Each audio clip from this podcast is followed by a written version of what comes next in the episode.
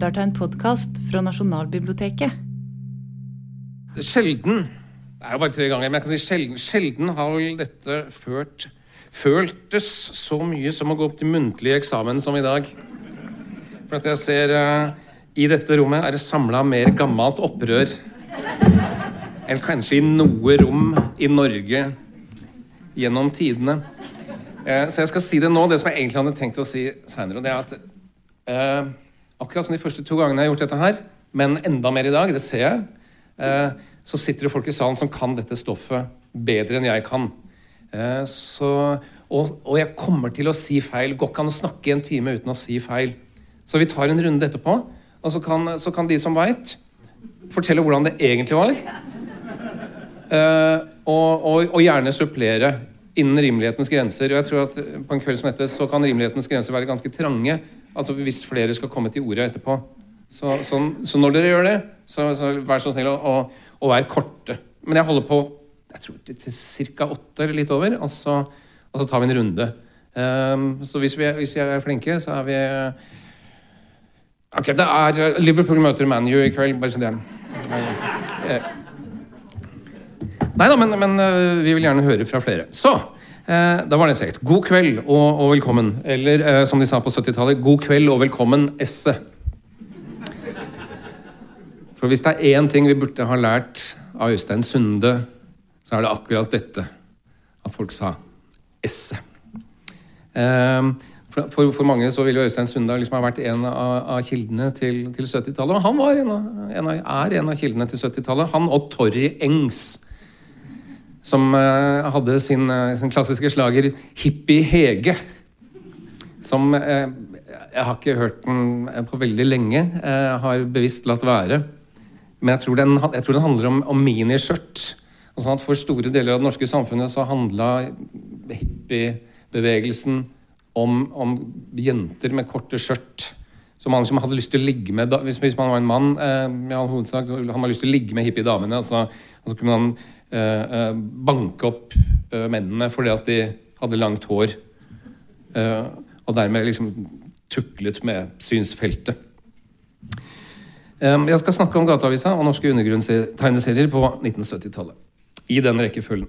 Det vil bli sterke bilder, så de av dere som liker sånt, har kommet til rett sted. Da jeg leste disse bladene, ble det tydelig at her finnes en måte å forholde seg til verden på som ikke lenger kan lagres i noe nasjonalt arkiv. Fordi den ikke lenger fins på trykk i Norge eller i fysisk format som lar seg lagre.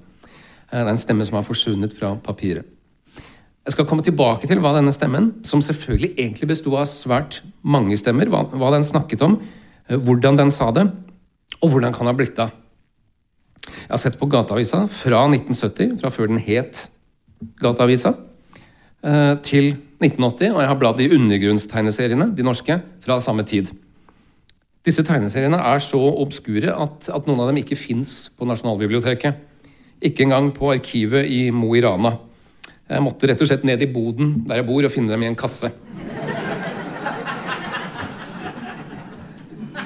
Men eh, kan ikke det også være en oppfordring? fordi jeg vet at noen av dere sitter på dette stoffet. Snakk med Nasjonalbiblioteket. for hvis dere eh, eh, kan donere, hvis jeg har litt ekstra, så, så, vil det være mulig for flere å se på disse tingene i framtida også. De har ikke bedt meg si dette, dette var en ting jeg fant på nå, men jeg tror det er en god, er en god ting. Uh, jeg skal snakke om hva jeg fant. Hva folk skrev og tegnet om, hvordan de gjorde det, og hva som er, er mest påfallende, eller er det for meg, når man ser på disse tingene i bakspeilet.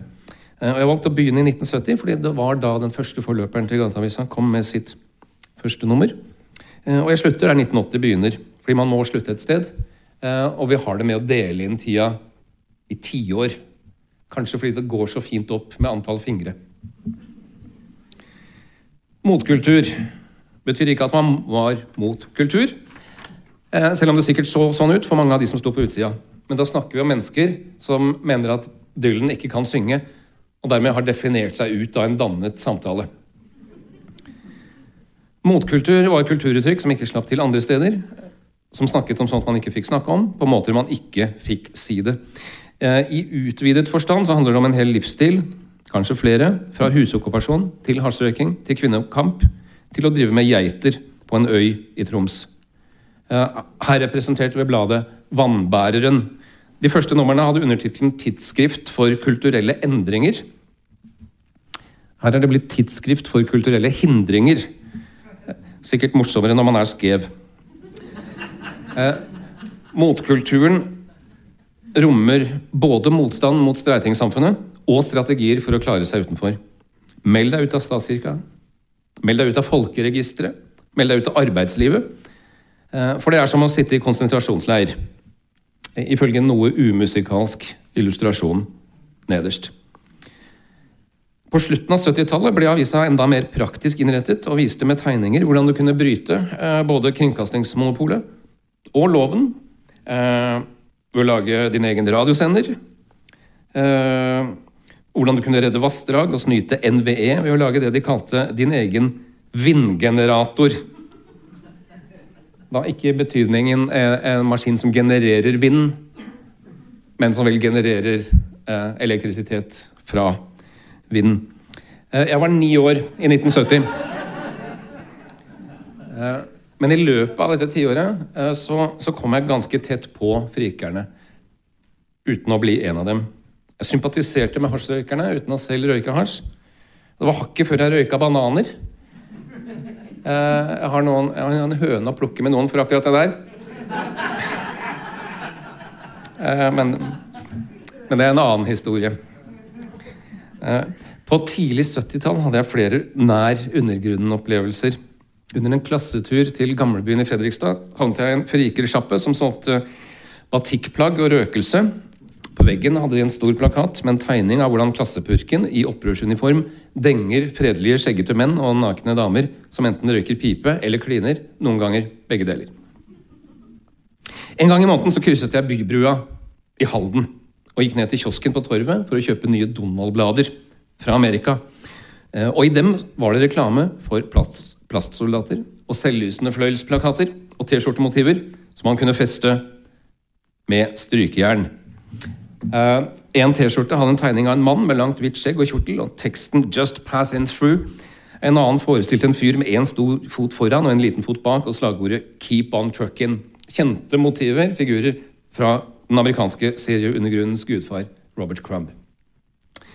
Uh, som dere ser her, uh, nederst til høyre, der er, bestillings, der er kupongen. Men så har jeg vært, vært, i gang med å bestille, og så har jeg trukket meg. Jeg har da ikke valgt noen av Crumb-designene, men jeg har gått for henholdsvis 602, ape i tønne,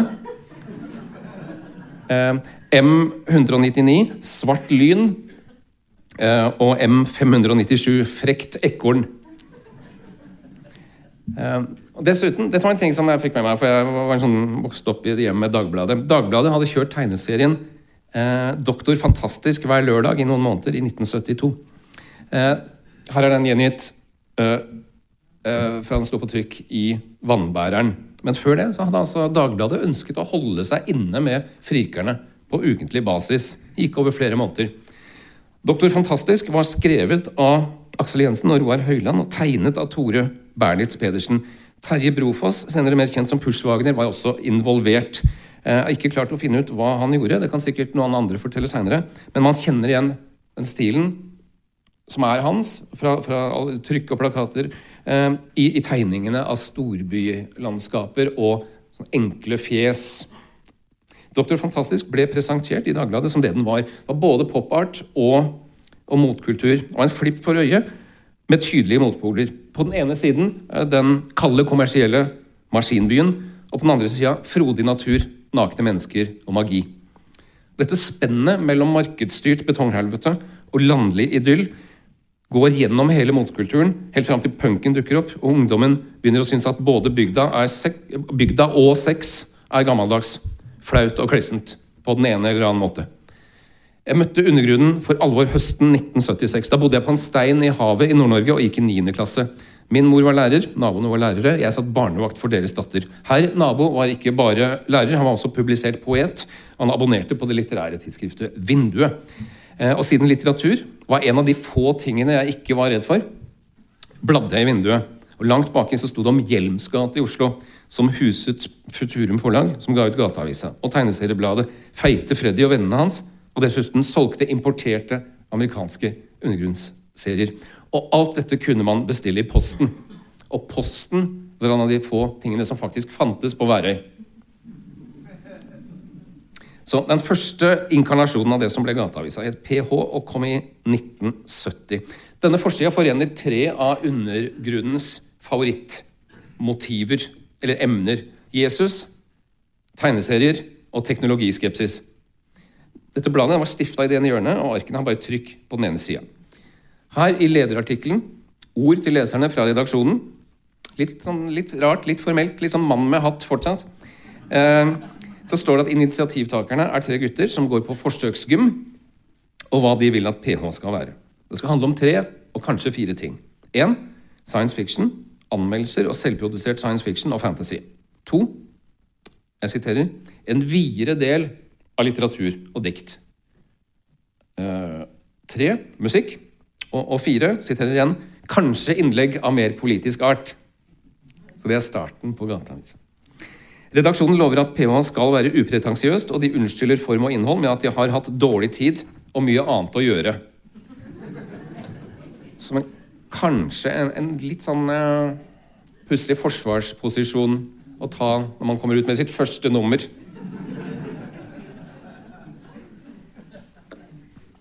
Leserne blir oppfordret til å sende inn tekstbidrag, og de får vite hvordan man abonnerer. Det er fem kroner for de neste seks numrene, fritt tilsendt.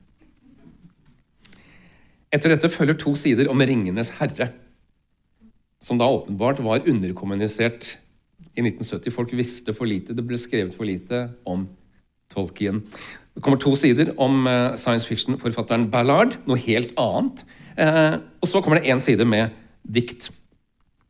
Forfatteren Odd Rudjord har gått ett og et halvt år på forsøksgym, står det, og, og har revolusjonær bakgrunn.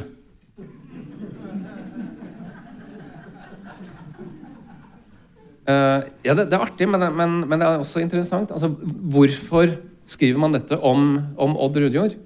Uh, det, for det må jo ha vært en, en, god ting at man skriver om dette fordi det er bra, fordi det er bra for en poet å ha en revolusjonær bakgrunn. Uh, sånn at de har på den ene sida har de liksom nisser og troll hos Tolkien, og på den andre sida har de en ung, revolusjonær poet. Foreløpig er redaksjonen mer opptatt av musikk enn innlegg av mer politisk art. Til gjengjeld så er Øystein Holters musikkanmeldelser preget av et klart klassestandpunkt. Han kritiserer plateselskapene Philips og Decca for at de prøver å sko seg på ungdommen ved å opprette underselskaper med progressiv profil. Til gjengjeld så roser han Ray Davies og Kinks som nettopp har kommet til en plate med uvanlig bitre og klassebevisste tekster. Eh, Led Zeppelin er derimot en gruppe som av og til bare blir bråkete, og som er totalt blottet for fantasi. Eh, og Bakerst fins det reklame for Nordli bokhandel, Ringstrøms antikvariat og Paolas parfymeri og babytøy.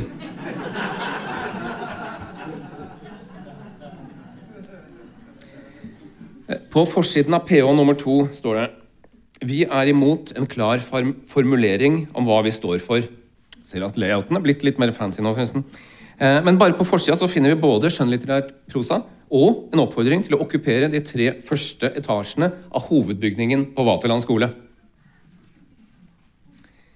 På de ideologiske ytterkantene finnes på den ene side en hasjguide, og på den andre kontaktopplysninger for SUF. Paolas parfymeri og babytøy annonserer fortsatt. Og på baksida reklame for Akers Sparebanks ungdomsordning DUS-klubben. Uh, så det kan virke som om den redaksjonelle linja er uavklart på flere områder.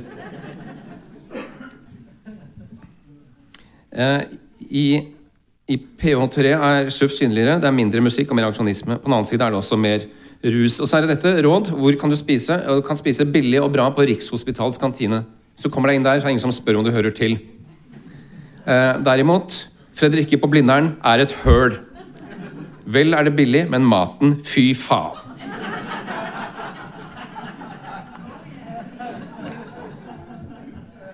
På dette tidspunktet så har det bikket over for Paola, som nå har trukket seg som annonsør. Eh, forsiden på nummer fire, fortsatt i 1970, byr på kritikk og sjølkritikk. Eh, redaksjonen er tydelig opprådd og sier selv at den ikke vet om det går an å forene ML-bevegelsen med undergrunnen. Driver redaksjonen med arbeidet i løse lufta, blir det spurt. Og så konkluderer man med at vi får se.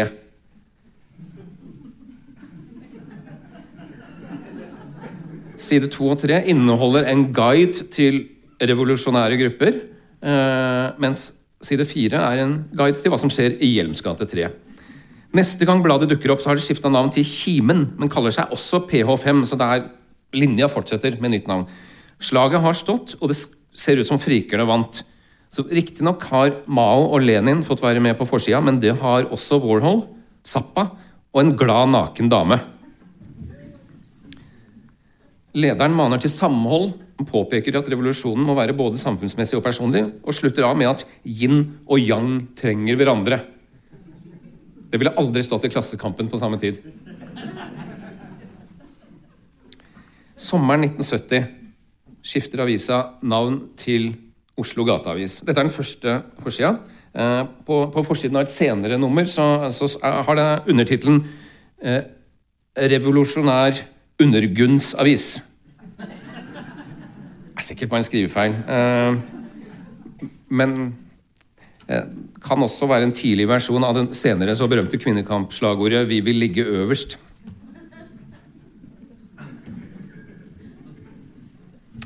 I neste nummer kommer en oppfordring om å oppgi feil personnummer til myndighetene. Og hvis du får unger, så hold dem unna folkeregisteret. Dette er jo en utmeldingstaktikk som er mer Zappa enn Mao. Eh, og Dermed er tonen satt for resten av 70-tallet. Det handler om frihet og alternativer og aksjoner. Det handler om kunst som vil, mer om kunst som kan. Bokkafeen til arbeidskollektivet i Hjelms gate selger makrobiotikk, anarkisme, kommunismekritikk, LO-kritikk, ikke-vold og dikt. I dette nummeret så er det like før De, altså de selger fortsatt Mao og Klassekampen, eh, som på dette tidspunktet fortsatt ikke er blitt dagsavis for akademikere og beslutningstakere. Eh, I 1971 kaller Oslo Gateavis seg for alternativt kommunikasjonsmiddel og frihetlig bladfille. Eh, frihetlig åpenbart i motsetning til stalinister og maoister, som får gjennomgå stadig mer her en annonse. Der ser vi at Rovtrykk selger bøker via Gateavisa om marxismens elendighet. Så skifter Oslo Gateavis navn til bare Gateavisa og spør på forsida hva vil egentlig disse anarkistene? Ellers er det jo nok av, av markører her for å se hvilken vei det går i. Stones, Kardemommeby, Fribus, Kruska, teater. Vold? Spørsmålstegn? Eh, ja, og så nederst eh, Hva vil egentlig disse anarkistene? Eh, og svaret er tilsynelatende de vil ødelegge synet til leserne sine.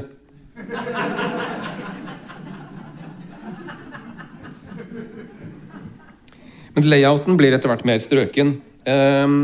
Hvis man hopper da, til 1977, så blir Gateavisa månedlig. Kommer, ikke uten heftig debatt, i salg på Narvesen og selger 15 000 over av hvert nummer.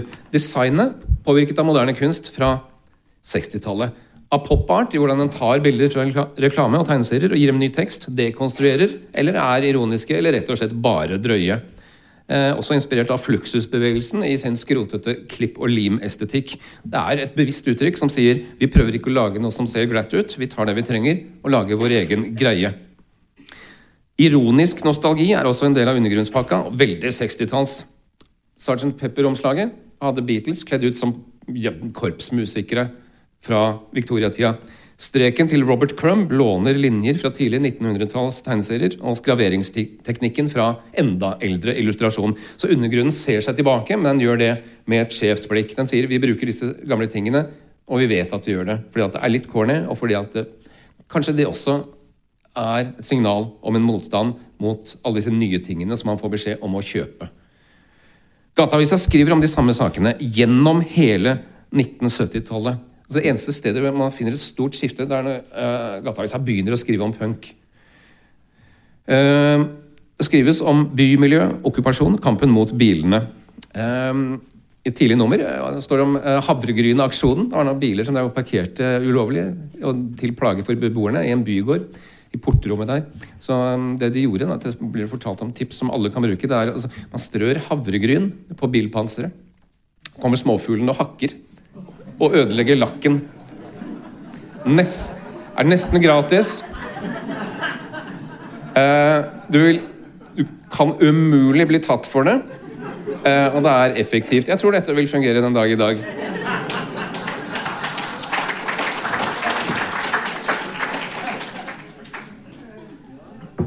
Eh, Gateavisa skriver om ML-bevegelsens uh, pra uh, praktiske og politiske elendighet. Noen ganger i form av styggelig lange debattinnlegg, andre ganger i form av satire, som denne parodien. ikke sant?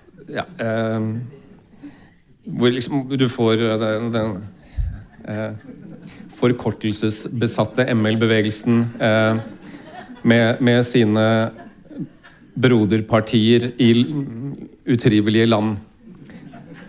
Musa som brølte. Um, Avisa skriver om kvinnekamp og homsekamp og seksuell frigjøring. Skriver om maktovergrep fra politi- og fengselsvesenet. Om eh, ikke-kommersiell kunst og kultur, særlig musikk. Om rus, hvordan rusmidler virker og hvordan man får tak i dem. Uh, om hvordan makta holder deg nede. Dum, ulykkelig, avhengig av det de selger deg. Fysisk sjuk. Uh, og makta bruker alle midler for å holde deg nede. Ikke bare folkeregisteret og fantasiløse rockeband men også industrielt landbruk og ikke minst fluor. Det største skiftet eh, er som nevnt det som kommer i 1977. Gateavisa er da først ute med å rapportere fra innsida av, av punkermiljøet. Tonen er stort sett positiv. Lasse Tømte rapporterer fra Sex Pistols på Penguin Club. Han liker bandet, men er skeptisk til publikum, som han anser for å være potensielle voldsmenn.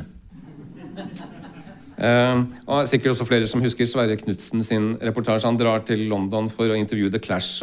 Han får egentlig ikke noe intervju, men han får spilt fotball med det og tar et bilde av det. Uh, klassisk rockereportasje, også omtalt i boka hans. Så Gateavisa dyrker lovbrudd som politisk strategi og setter pris på politiske aksjoner av det godt synlige slaget. Gateavisa intervjuet han som kastet en dorull etter kongen da kongen ankom universitetets aula for å overvære utdelingen av fredsprisen i 1974. Intervjuet er anonymt, muntert og handler mye om praktiske sider ved dorullkasting. Papirpreferanser og kasteteknikk. Men det virker som om han burde ha spurt en annen dorullkaster, siden han her faktisk bommet. Noen ganger skriver Gateavisa om aksjoner, og noen ganger lager de dem selv. Et godt eksempel er 30-aksjonen i 1979, eh, hvor midtsidene var et fartsskilt som man kunne teipe over eh, de skiltene som sto der fra før, med høyere fartsgrense, og dermed lure bilistene til å sette ned farten. Dette er også noe som lar seg gjøre nå.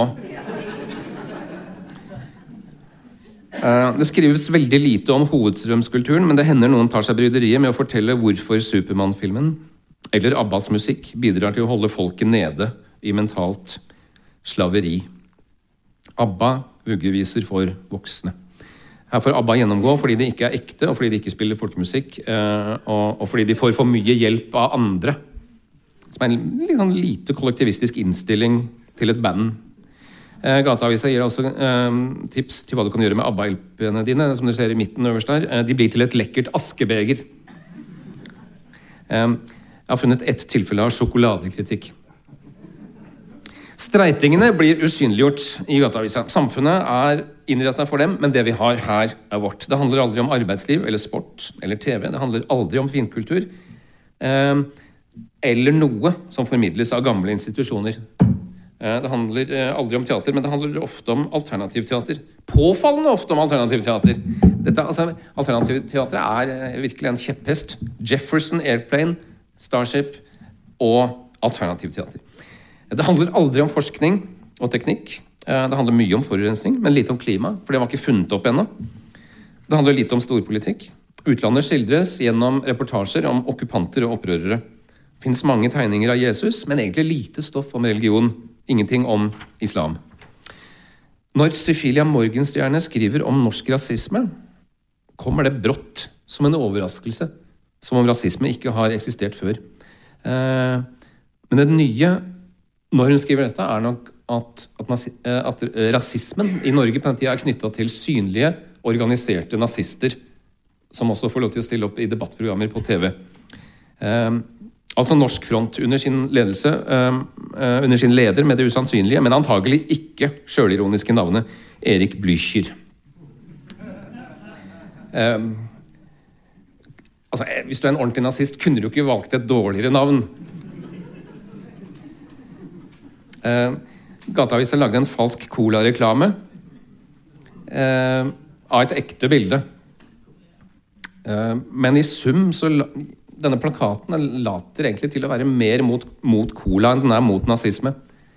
Den klarer vel også å tilkludre sitt eget komiske poeng ved å bruke den fingerte cocaine-logoen og derved sende ett signal for mye. Som aldri er en god ting når man driver i vitsefaget. Eh, Erik Blücher svarte i neste nummer. Han skrev jo visst, jeg drikker masse cola, jeg syns det er bra. Eh, og så skriver han til slutt eh, jeg har tidligere det er PS. Jeg har tidligere offentlig uttalt at etter min, efter min mening bør intet foretas overfor dere anarkister og frihetlige sosialister efter en nasjonal maktovertagelse, men at man i stedet bør la dere gå fritt omkring til skrekk og advarsel. Dette står jeg fortsatt ved. DS.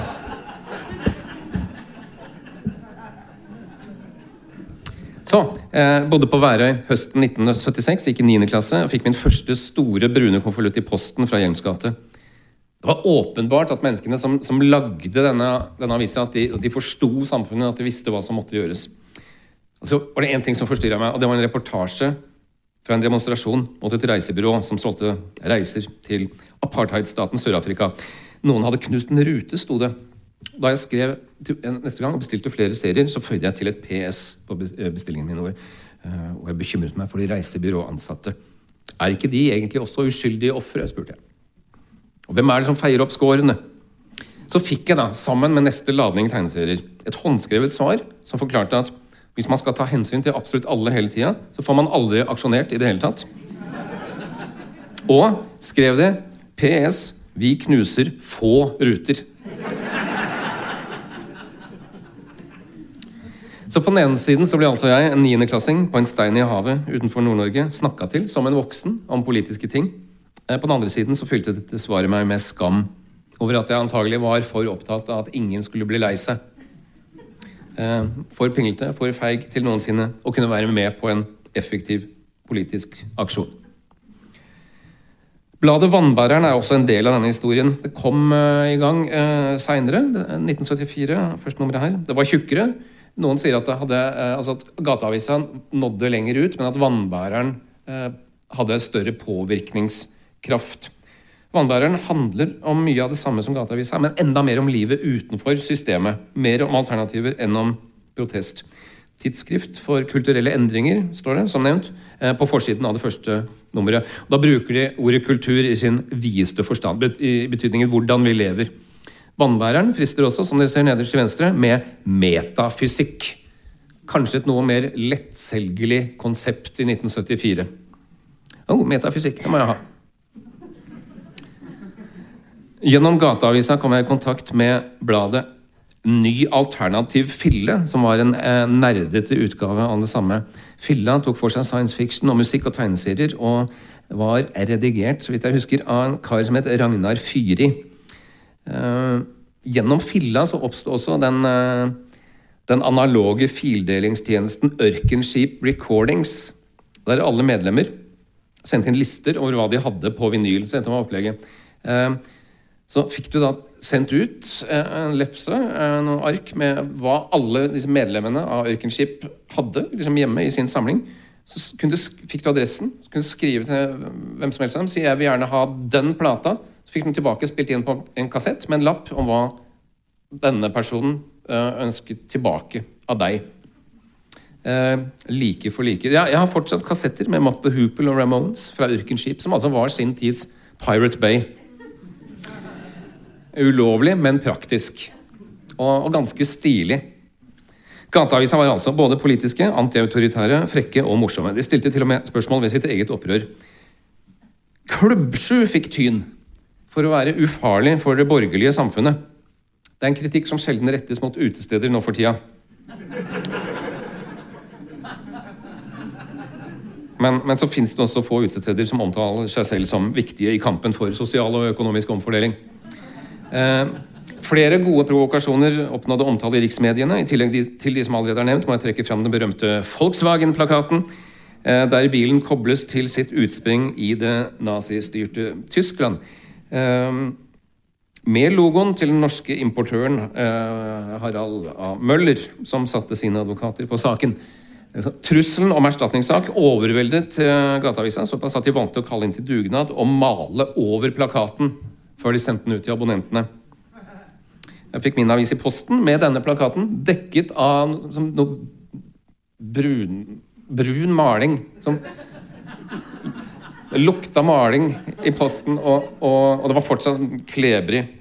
Eh, så det er mange, mange som jeg, jeg vet ikke om man kan vise denne er, er, det noen fra Harald Møller eller representanter Nei, ok. Men dette ble da en riksnyhet. Eh, sto om det flere steder. Her er et oppslag fra Fredrikstad Blad i faksimile i neste nummer av Gateavisa.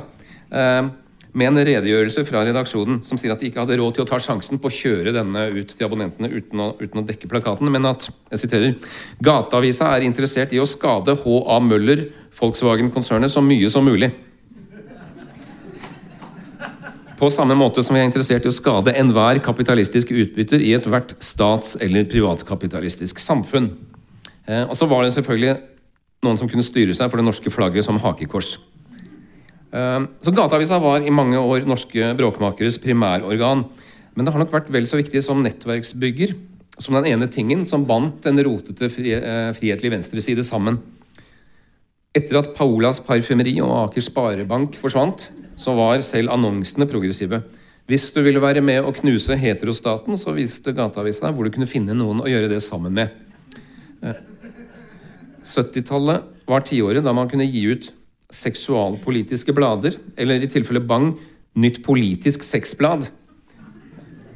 Uh, du har både et seksualpolitisk tidsskrift og et nytt politisk sexblad. Så det var, rom for den slags kanskje en ledig nisje for eh, et spenstig forlag. Da. For mange var Gateavisa og Hjelmsgate det som ga dem anledning til å finne de ideene de trengte, komme i kontakt med de menneskene de trengte, noe som samlet alle som fikk vondt i hjertet av samfunnet som det var, og som visste at noe måtte gjøres. Det mest solgte nummeret av Gateavisa kom i 1978 og gikk i 20 000 eksemplarer. Gateavisa har alltid tatt tegneserier på alvor. Nå er jeg over i tegneseriedelen. Så, men, eh, men da før vi kommer dit, så skal jeg ta en omvei som begynner i 1969. Som var det året Pushwagner begynte på sitt storverk Soft City. Han gjorde den ferdig på midten av 1970-tallet, og så rota han den bort. Til den ble funnet i 2002 og etter hvert gitt ut på No Comprendo Press. Soft City er et bilde av byen som sjeleødeleggende maskin. Det er også et så fascinerende sted at kunstneren har sittet Han har tegna denne elendigheten i årevis. Det menneskefiendtlige bylandskapet og kritikk av markedsøkonomien er ryggraden i norske undergrunnstegneserier. Og også noe av det som har beveget seg litt over undergrunnen. Eh, Prokon er en tegneseriebok av Peter Hars. Kom ut i 1971 og er et oppgjør med forbrukerkapitalismen.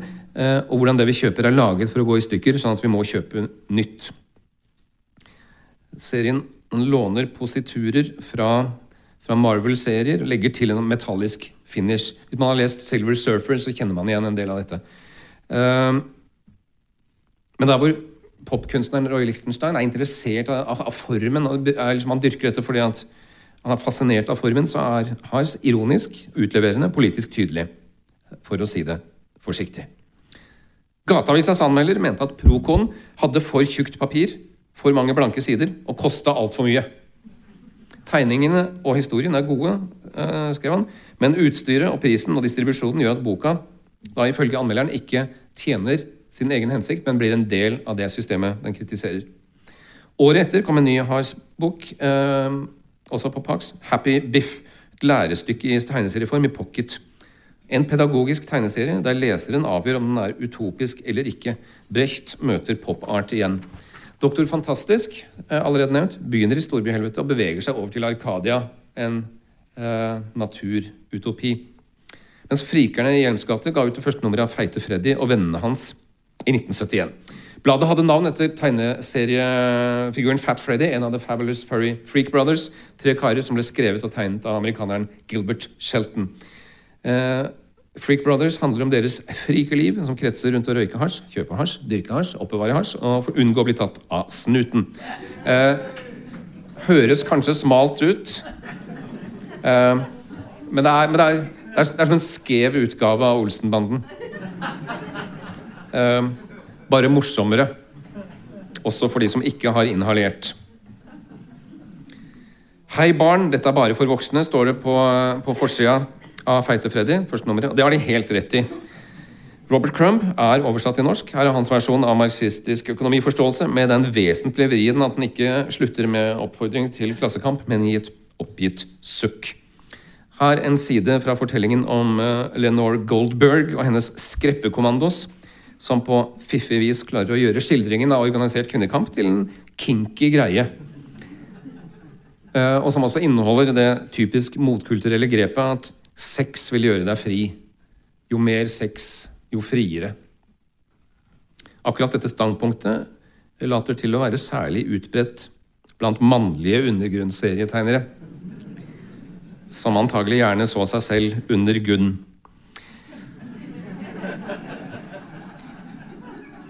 Feite Freddy nummer to byr på mer norske serier. Eh, til dels usselt uselt tegnet, men her fins også to av de mest produktive undergrunnsserieskaperne på 70-tallet.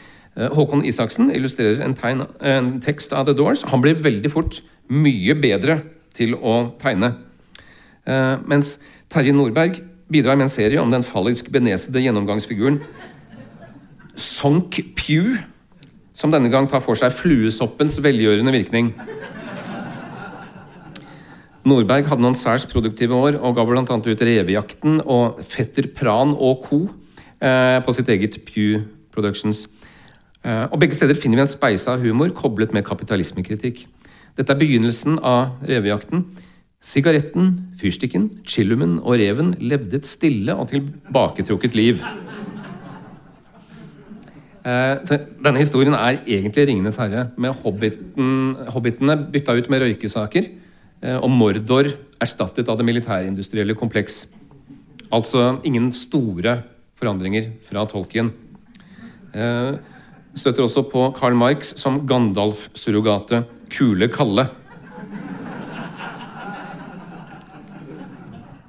I, I Fetter Pran, skravert som om han fikk betalt per strek, neppe særlig lønnsomt i det hele tatt, egentlig, eh, blir lønnsslaveriet avkledd i nydelige tegninger, og Nordberg tolker Shelley i historien om den samfunnsødeleggende fallosmaskinen.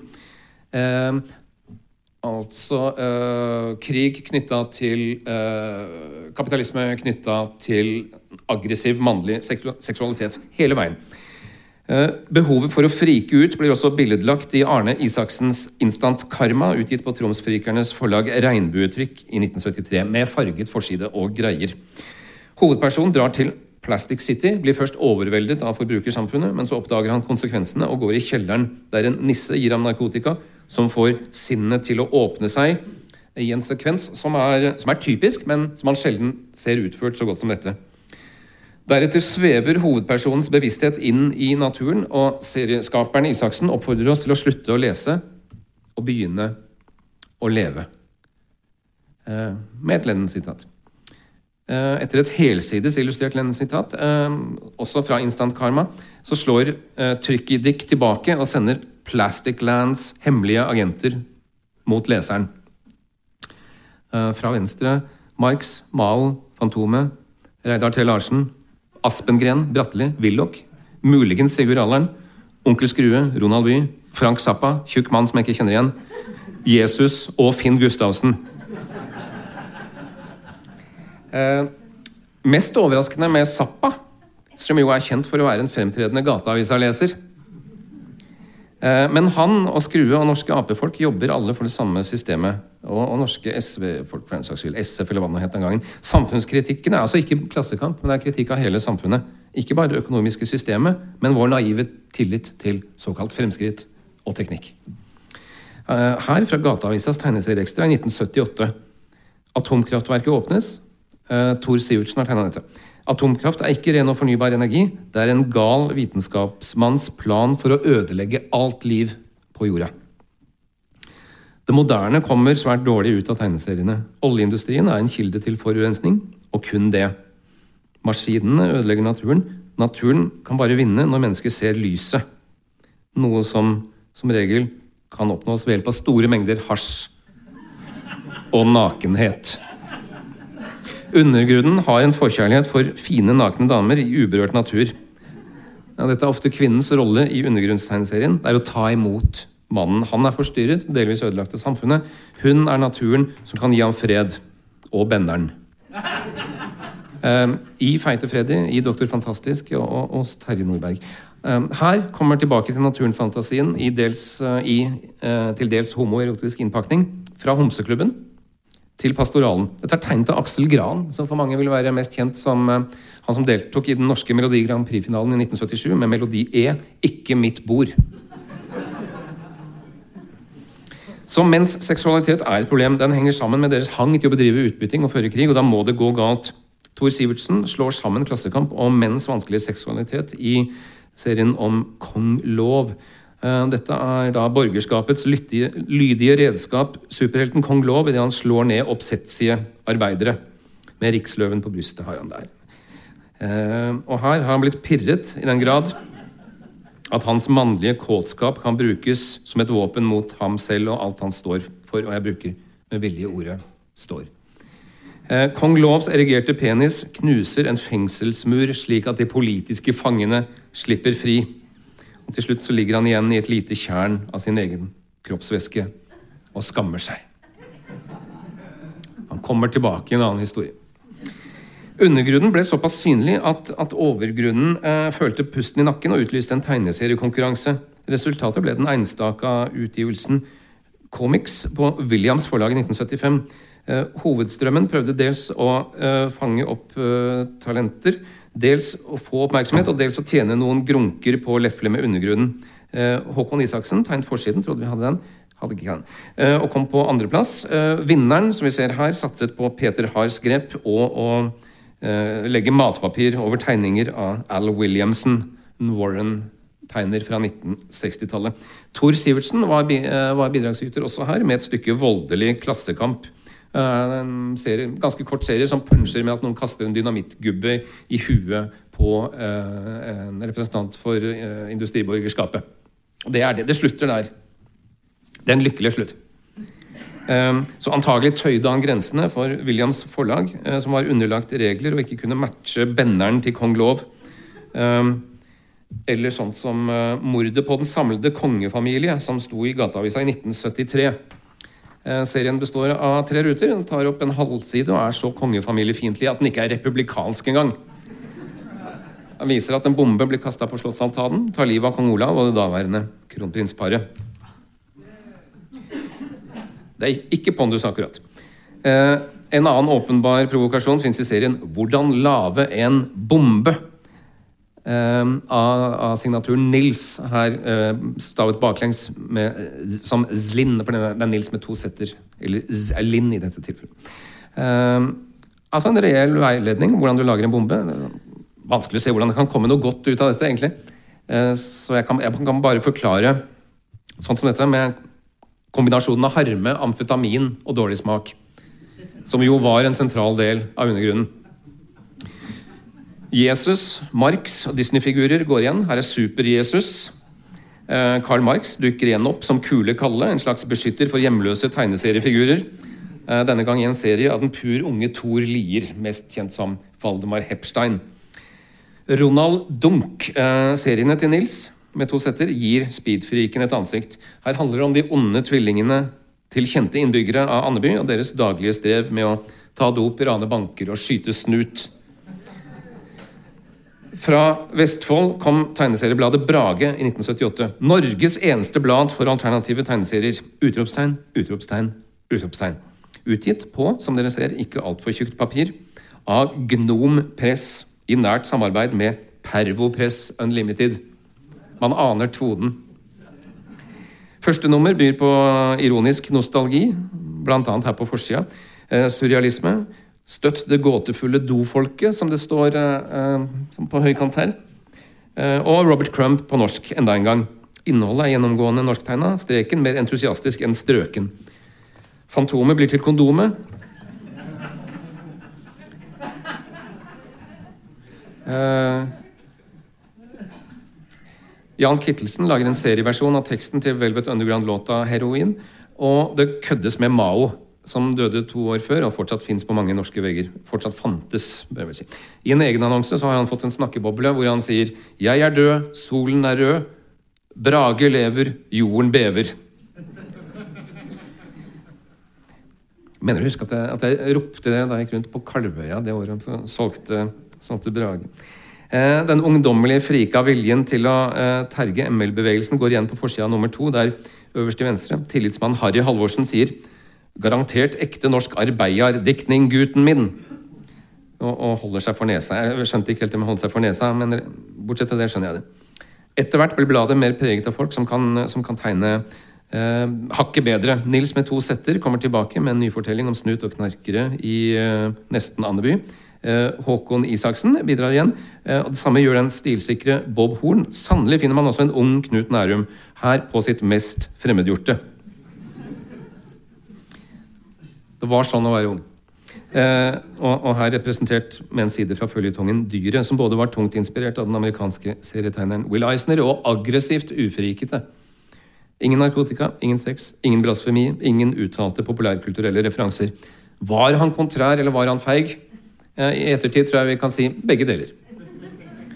Brage forsvant i 1980 og dukket opp igjen eh, noen år seinere med en drøss nye tegnere, som jeg ikke skal snakke om nå. Men jeg nevner dem, da. For alle de som senere på, på 90-tallet utgjorde redaksjonen i tegneseriebladet Fidus, begynte i undergrunnen. Hepstein, Holmberg, Nilsen, Kverneland og Fiske. Noen av dem hadde også vært innom uh, humorblader som, som Konk og, og, Norsk Mad, men mer om det en annen torsdag. Uh, av de mer overraskende bidragene til undergrunnen finner man tidlige verker av rikskommentator Anders Giæver som her viser hvordan man kan eh, sette ut eh, pinken med kjærlighet. Dessuten har Ingvar Ambjørnsen både skrevet og tegnet i Gateavisa. Det er han som har tegnet nederst her. Har en sak om borgersamfunnets hykleri når det trakasserer hasjrøykere, mens borgerne på sin side tyller i seg lovlige rusmidler. Kjent tematikk fra Ambjørnsens tidlige bøker og, og fra et, et, langt virke som eh, kommentator. Mange av undergrunnens skribenter og tegnere brukte aldri eget navn på trykk. Noen er borte. Noen har fått seg skikkelig arbeid. Men av de vi vet hvem er, så har mange gjort seg synlige i norsk kultur- og medieliv. Tatt veien ut i VG, og Akademia, og Forlag, og Dagens Næringsliv, og Prosa, og Le Monde Diplomatikk og Donald Duck. Undergrunnen har altså ikke bare vært med å gjøre samfunnet romsligere. Den har på lang sikt vist seg å være en god vei å ta for de som vil slå seg opp og fram. Kan du ikke knuse det bestående, så kan du i det minste få deg jobb der. Men undergrunnen fortsatte inn i 80- og 90-tallet. Den lagde nye nettverk. Spredde seg gjennom kassetter, fanziner, fortalte om nye bevegelser, nye måter å lage ting på. Eh, mens den egentlig bare venta på Internett. Så frikegrunnen, undergrunnen, har ikke lenger et nav, et samlende stemme, den typen kanal, portal, som, som Gateavisa var. Vel å merke ikke på trykk. Eh, men denne stemmen fins fortsatt på nettet, litt på NRK. På en måte fins den overalt. Fins så vidt på Stortinget. Og så fins den veldig mye på Nesodden. Det politiske engasjementet for andre måter å organisere samfunnet på fins på nettet, der alt er lov. Og det som ikke er lov, det fins noen tastetrykk unna på det mørke nettet. Internett har gitt alle muligheten til å si hva de vil, om ikke nødvendigvis en talerstol hvor man blir hørt av mange. Den overskridende tonen og den krasse humoren, den som tillater seg å tøyse med kongehuset og bruke Hitler som punchline, vise fram alt som våre besteforeldre holdt skjult for oss, den som noen ganger er mer drøy enn gøyal, og som bare vil provosere. Fordi provokasjonen har sin egen verdi. Den finner vi på nettet, og vi finner den i humoren. Selv den humoren som blir produsert i Rikskringkastingen og sendt på fredags- og lørdagskveldene. Den praktiske aktivismen, den alternative måten å organisere samfunnet på, er i ferd med å overta verden gjennom brukerdrevne nettsteder som Facebook, Wikipedia, gjennom nettverk som Uber og Airbnb. Eh, for disse er grasrotdrevne og dermed i tråd med, med seinfrikerne, med 70-tallsfrikernes synspunkter. Eh, samtidig så er, er, de eid av folk som enten allerede er eller snart blir verdens rikeste og mektigste. Og de har ingen til å holde dem i øra. Småproduksjonen, det hjemmegjorte og kortreiste, lever videre i mikrobryggerier, bikuber i byen, og på et merkelig vis også på eksklusive restauranter der rocka kokker med skjegg og tattiser lager frika mat for folk med mye penger. 70-tallsfrikernes engasjement for grønne og levelige byer har fått sitt eget parti, omsider. Miljøpartiet De Grønne, som kom inn på Stortinget i 2013 med én representant. En liten, men tydelig forandring i det norske samfunnet. En større og tydeligere forandring i Oslo, hvor uh, Miljøpartiet De Grønne sitter i byregjering. Jeg mener byråd, jeg mener byregjering. Uh, men, men, lite av dette lar seg uten videre arkivere, og i hvert fall ikke det kortreiste ølet. Jeg vet ikke hvor det blir av gamle nettsider, men jeg liker å tro at det fins et eget bibliotek for dem et eller annet sted der oppe og langt bak i skya. Sommeren 2014 slo lynet ned i Hjelms gate 3, og huset ble påført store skader. Så Der ser man at det på lang sikt straffer seg å spotte Jesus.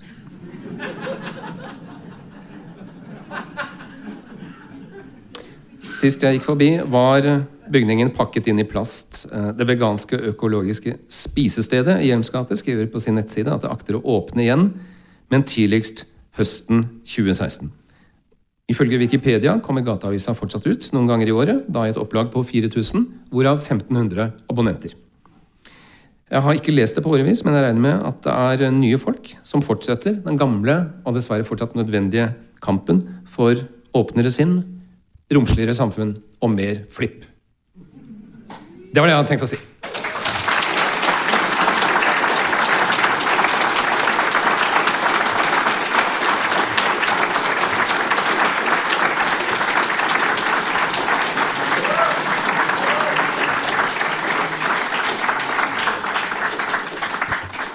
Sånn, da, da har, vi har, har, vi en mikrofon til folk som har eh, spørsmål og, og, innspill. Det er veldig bra. Så det går an å bare sånn hånd i været, og så, så får dere mikrofon. Ja, velte samfunnet skulle det, men ta ordet i forsamling? Nei.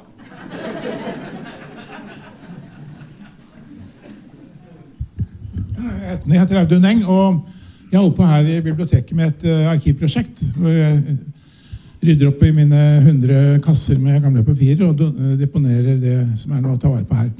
Jeg skal komme med en lite tillegg, og det er en oppfinnelse som lurte Gatevisa. om eh, Det redaksjonelle arbeidet. Og Det mener jeg er en, en, god modell, og det var det som Christian, etter å ha tenkt lenge, kalte den omvendte Christian mener det, som sitter her, den omvendte vetoretten. Fordi demokrati er ofte definert ved at man har flertallsavstemninger, og så har man vetorett. Det vil altså si at hvis én i en redaksjon hater en artikkel, så kommer den ikke på trykk. Eller man trykker bare det som flertallet ønsker å trykke. Og det, det, det vi hadde jo bare, Alle var redaktører i Gatevisa, det var ingen som var sånn sjefsredaktør. Den reelle sjefsredaktøren var den som holdt ut lengst natten før man skulle levere trykken. Men den omvendte vetoretten eh, definerte faktisk slik at dersom ett redaksjonsmedlem insisterte på at en artikkel skulle komme på trykk, selv om alle de andre hatet den, og i det lengste prøvde å få denne gærningen til å gi seg, så kom den på trykk. Og Det er et prinsipp som uh, nå er, er, selvfølgelig en selvfølge på, på, Facebook og Internett, så lenge sensuren ikke slår til. Men uh, jeg mener det er en, en utvidelse av demokratiet, slik at selv i store strukturer så kan den ene sprø stemmen uh, slippe til. Takk.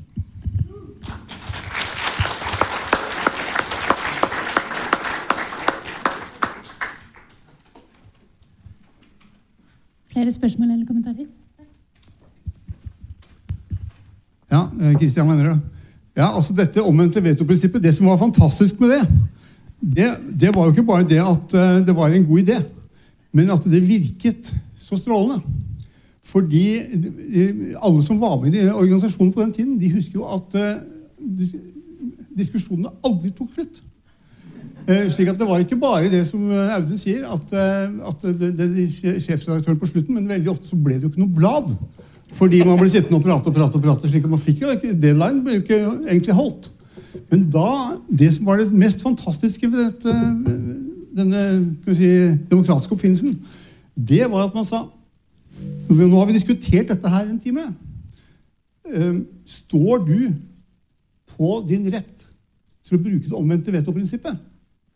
Ehm, så behøver vi ikke diskutere det mer.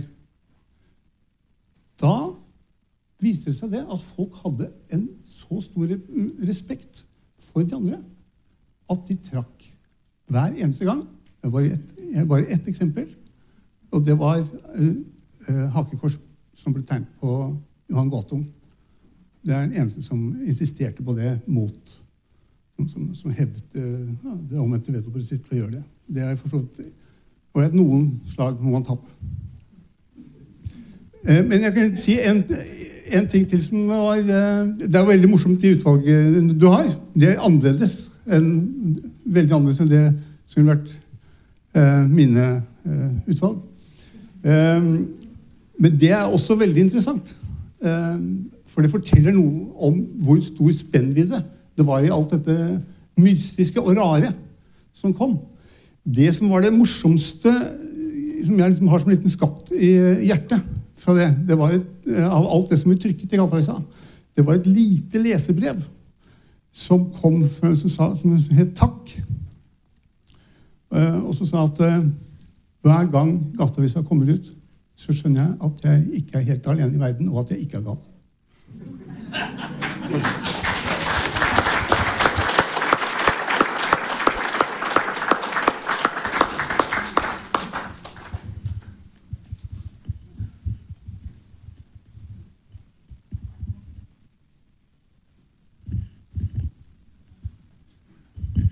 Eh, Jon Raglin, jeg er også med i redaksjonen i de åra, eller noen av dem. Og jeg bare tenkte jeg skulle tilføye noe vi prata om akkurat før du begynte. Det var at eh, Noe som mange nå ikke skjønner, det er jo at eh, den store organisasjonen som den avisa ble, opptil 20 000, som du sa, den var jo faktisk eh, Hadde ingen eh, økonomi utenom seg selv. Det fins jo ikke sånne ting lenger som er faktisk drevet. Det var ikke noe betalt annonser, ikke noe støtte, ikke noe organisasjon som sto bak, noen, ingen midler. Ingen, eh, ingen, som hadde noen aksjer i, i, organisasjonen, bortsett fra de som gjorde det. Og det er ganske unikt at det kunne være så svært. At folk jobba så mye uten eh, tanke på penger.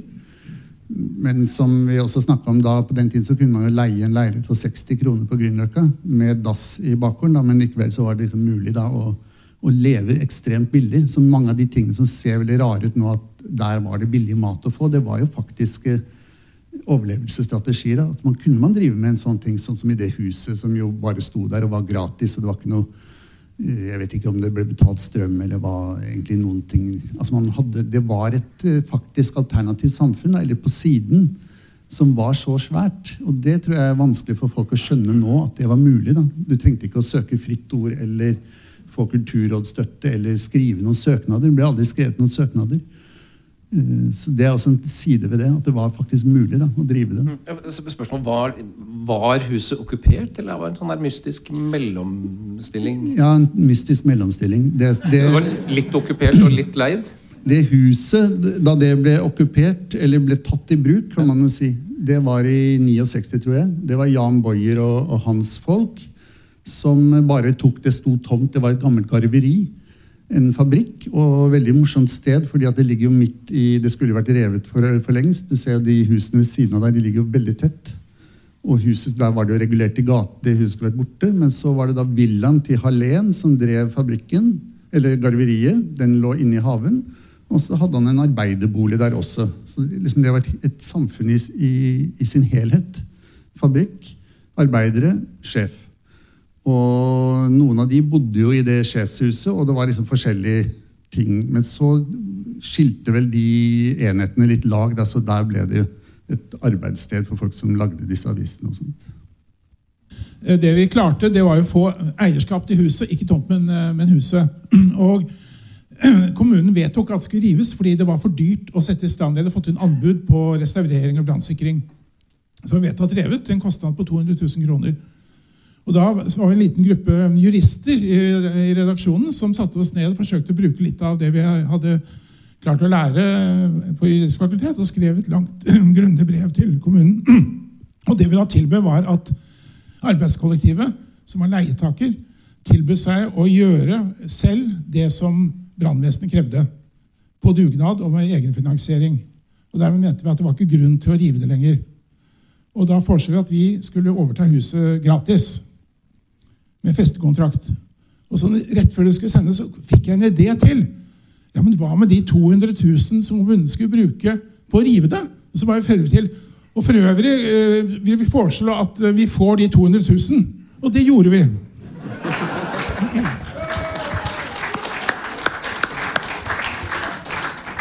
Eh, Jeg lurer på om det er noen her som, som, som lager gateavisa nå om dagen? Er det noen her? Kan, kan jeg stille et spørsmål om, om det?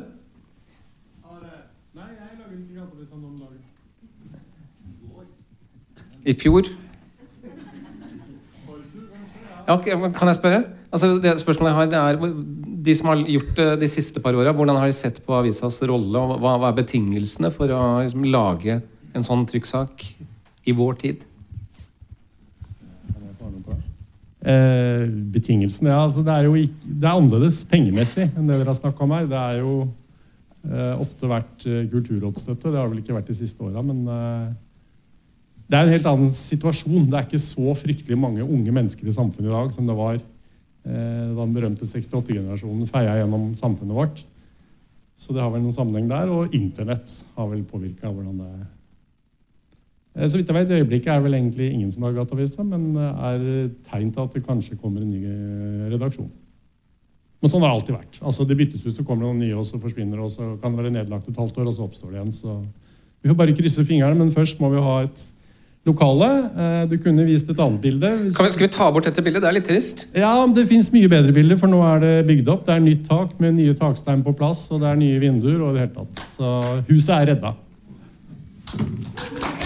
Helt uten offentlig støtte.